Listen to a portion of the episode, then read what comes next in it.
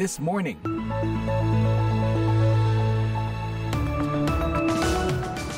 Halo halo pendengar, selamat berakhir pekan ya. Happy weekend. Tentunya Anda sudah bersiap merayakan Natal bagi Anda umat Kristiani. Nah, warga Kristiani Indonesia di ibu kota AS Sabtu ini mengadakan perayaan Natal bersama dengan umat dari tujuh denominasi gereja Indonesia yang ada di Amerika. Perayaan akan berlangsung di Wisma Indonesia, rumah dinas Duta Besar RI. Baiklah pendengar, langsung saja kami sampaikan VOA This Morning bersama produser Jimmy Manan dan operator Zubir Al. Kami akan menyiapkan sejumlah laporan, di antaranya Badan PBB Urusan Pangan mengatakan hampir 600 ribu orang di Gaza kelaparan. Report just confirms our worst fears. Laporan itu mengukuhkan hal yang paling kami takuti terjadi di Gaza.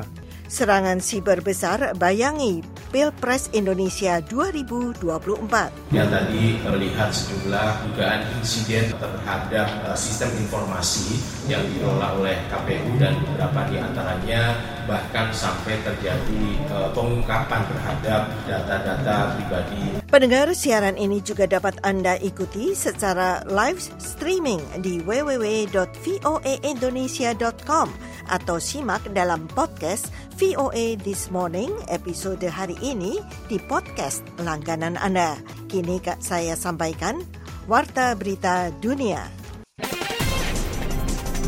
Pendengar para pemimpin militer AS dan Tiongkok bertemu untuk pertama kalinya dalam lebih dari setahun hari Kamis, membahas sejumlah masalah keamanan kawasan dan dunia, termasuk menjaga jalur komunikasi langsung, kata para pejabat militer AS. Ini adalah pertemuan pertama antara Ketua Staf Gabungan AS Charles Q. Brown dan Jenderal Liu Zhenli, Kepala Departemen Staf Gabungan Tentara Pembebasan Rakyat sejak Brown memangku jabatan pada bulan Oktober, kata pernyataan itu. Dalam konferensi video mereka hari Kamis, Brown dan Liu membahas pentingnya kerjasama untuk menangani persaingan secara bertanggung jawab, menghindari salah perhitungan, dan menjaga jalur komunikasi yang terbuka dan langsung, kata Kapten Angkatan Laut AS Gerald Dorsey, juru bicara staf gabungan. Saluran komunikasi normal antara militer dua negara dengan perekonomian terbesar di dunia itu diputus oleh Tiongkok pada Agustus tahun lalu karena ketua DPR saat itu Nancy Pelosi mengunjungi Taiwan, pulau dengan pemerintahan sendiri yang dianggap Beijing sebagai bagian dari Tiongkok daratan. Pejabat Organisasi Kesehatan Dunia atau WHO memperingatkan krisis kemanusiaan dan kesehatan yang melanda penduduk Gaza adalah bom waktu yang akan menyebabkan kematian banyak orang karena kelaparan, kehausan, dan wabah penyakit menular. Sean Casey, koordinator tim medis darurat WHO mengatakan makanan tidak cukup. Setiap orang yang saya ajak bicara di Gaza kelaparan. Ia menambahkan, We've just brought some additional medical supplies and we talked about bringing in a team of surgeons and uh, additional uh, providers, doctors, nurses. Kami baru saja membawa beberapa perlengkapan medis tambahan dan membicarakan tentang mendatangkan tim ahli bedah dan penyedia layanan tambahan, dokter dan perawat.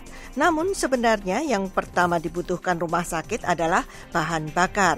Bahan bakar yang membuat genset tetap menyala dan semua mesin bisa bekerja. Casey memimpin misi gabungan beresiko tinggi dari WHO dan mitra PBB lainnya hari Rabu ke Rumah Sakit Al-Ahli Arab dan Rumah Sakit Shifa di utara Gaza. Meskipun tim tidak bisa mengirim bahan bakar karena alasan keamanan, tim berhasil mengirim tujuh palet pasokan medis untuk operasi dan perawatan lainnya ke fasilitas itu.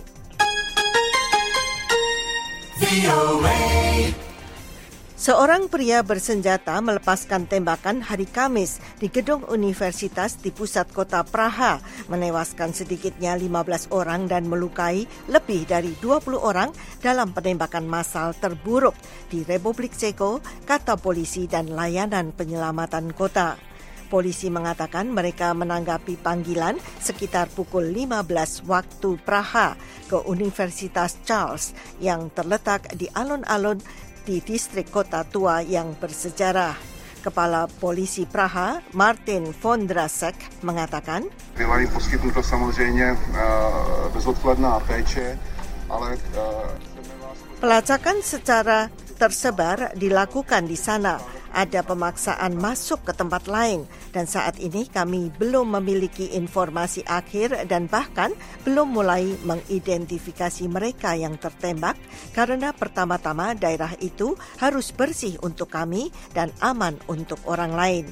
Video yang diunggah ke media sosial menunjukkan orang-orang melarikan diri dari alun-alun ketika kendaraan darurat tiba di lokasi kejadian. Pelajar dari Tiongkok pada tahun 2023 tetap menjadi kelompok mahasiswa internasional terbesar di Amerika. Meski mengalami sedikit penurunan, negara itu masih menjadi negara asal bagi mahasiswa asing yang melanjutkan pendidikan di AS. Departemen Luar Negeri AS memberi visa bagi lebih dari 600 ribu mahasiswa internasional pada tahun anggaran ini yang berakhir pada bulan September. Itu merupakan penerbitan visa tertinggi sejak tahun 2017. Sekian berita dunia, Puspita Sariwati, VOA, Washington. Pendengar hampir 600 ribu warga Palestina di jalur Gaza kini kelaparan karena sangat sedikit makanan yang masuk ke wilayah itu. Sementara Dewan Keamanan PBB tidak kunjung melakukan pemungutan suara untuk memutuskan resolusi pengiriman bantuan kemanusiaan secara besar-besaran yang diusulkan Uni Emirat Arab. Berikut laporannya.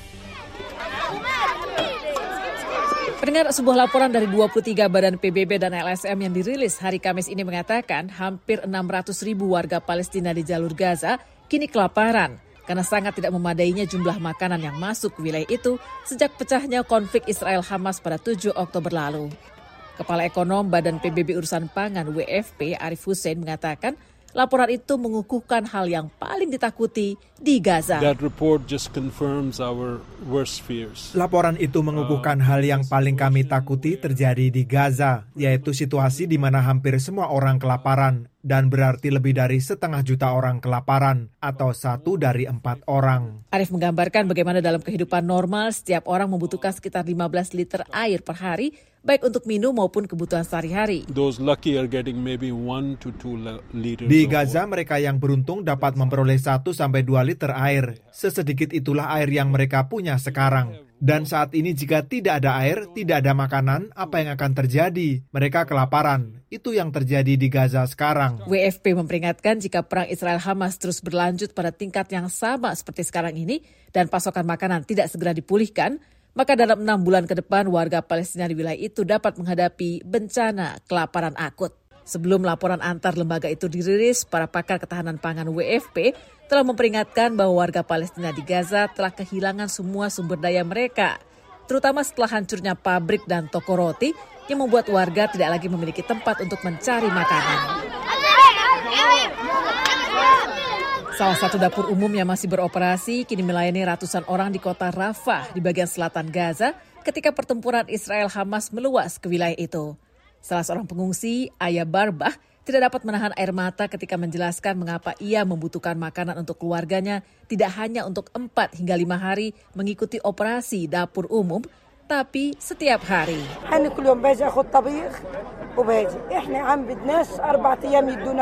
PBB mengatakan separuh warga Gaza kini berada dalam situasi kelaparan ekstrim. Dewan Keamanan PBB sedianya melangsungkan pemungutan suara Senin lalu untuk meloloskan resolusi akan mengerahkan pengiriman bantuan kemanusiaan secara besar-besaran lewat jalur darat, laut, dan udara ke Gaza. Saya Famus Reva, VOA, Washington.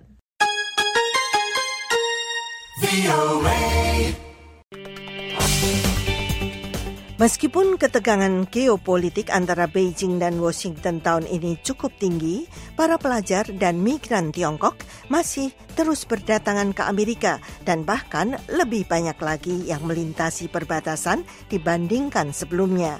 Ikuti laporan VOA. Pendengar dari bahan makanan hingga restoran, para imigran dari Tiongkok dapat menemukan lebih banyak kenyamanan sebagaimana di tanah air mereka di Amerika ini. Tahun ini Amerika merayakan 80 tahun pencabutan undang-undang pengecualian Tiongkok, satu aturan hukum yang melarang buruh Tiongkok bermigrasi ke Amerika. Perwakilan dagang Amerika Catherine Tay mengatakan, And we honor those who fought so hard to repeal that law. Kita menghormati mereka yang berjuang keras mencabut undang-undang itu. Universitas-universitas di Amerika kini menjadi tujuan utama para pelajar Tiongkok dan gelombang migrasi baru juga terjadi di perbatasan selatan Amerika. Para migran Tiongkok ini terbang ke Ekuador, kemudian berjalan kaki, naik perahu atau bis, melintasi Amerika Selatan dan Tengah menuju perbatasan Amerika-Meksiko. Zunzang selamat dari perjalanan berbahaya bersama keluarganya itu, dan awal tahun ini ia bicara dengan VOA. Ia menggunakan nama samaran karena takut akan pembalasan dari pemerintah Tiongkok. Semua warga Tiongkok tahu bahwa pemerintah terlalu berkuasa dan terlalu mengontrol. Ada kenaikan tajam jumlah orang yang melintasi perbatasan itu dari lebih 2.000 orang pada tahun fiskal 2022 menjadi lebih dari 24.000 orang pada tahun fiskal 2023 ini. Madeline Su, seorang pakar imigrasi dan kajian Asia Amerika di Universitas Maryland mengatakan, Orang-orang di Tiongkok sangat frustasi. Mereka kurang mendapat kesempatan. Mereka melihat perekonomian Tiongkok yang stagnan. Ada pula rasa frustasi yang sangat besar atas kontrol pemerintah Tiongkok dan begitu banyaknya pembatasan dalam hidup mereka. Banyak migran Tiongkok tiba di Amerika, negara di mana warga Asia menjadi kelompok etnis atau ras yang paling cepat berkembang untuk mendapatkan suaka politik ada lebih dari 5 juta warga asal Tiongkok yang tinggal di Amerika. Ironisnya, sebagian di antara mereka justru melaporkan terjadinya tindakan bermotif kebencian terhadap mereka. Ada pembatasan baru yang kontroversial di Florida tahun ini yang melarang warga dari Tiongkok dan negara-negara musuh Amerika lainnya untuk membeli properti. Juga melarang universitas di dalam negara bagian itu untuk menerima uang atau kemitraan dengan Tiongkok dan negara lain yang telah diberi label sebagai negara asing yang memicu keprihatinan. Demikian laporan tim VOA.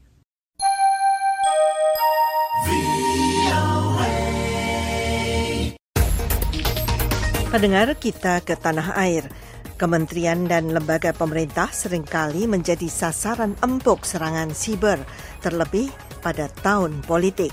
Terus berulangnya insiden kebocoran data masyarakat pun membayangi pesta demokrasi yang sudah ada di depan mata. Reporter VOA Gita Intan melaporkan dari Jakarta. Direktur Eksekutif Lembaga Studi dan Advokasi Masyarakat atau ELSAM, Wahyudi Jafar memperingatkan besarnya resiko dan ancaman terhadap eksploitasi data pemilih dalam pemilu 2024. Hal ini dikarenakan rentannya keamanan sistem informasi yang dikembangkan oleh KPU. Apalagi kemudian tadi melihat sejumlah dugaan insiden terhadap uh, sistem informasi yang dikelola oleh KPU dan beberapa di antaranya bahkan sampai terjadi uh, pengungkapan terhadap data data-data pribadi uh, pemilih, serangan terhadap confidentiality of data maupun juga serangan terhadap integrity of data. Resiko eksploitasi data ini selalu terjadi di tahun politik tambahnya. Bahkan pada 27 November lalu, sebuah akun anonim Jimbo di Bridge Forum mengunggah 252 juta data yang diklaim berasal dari situs kpu.go.id.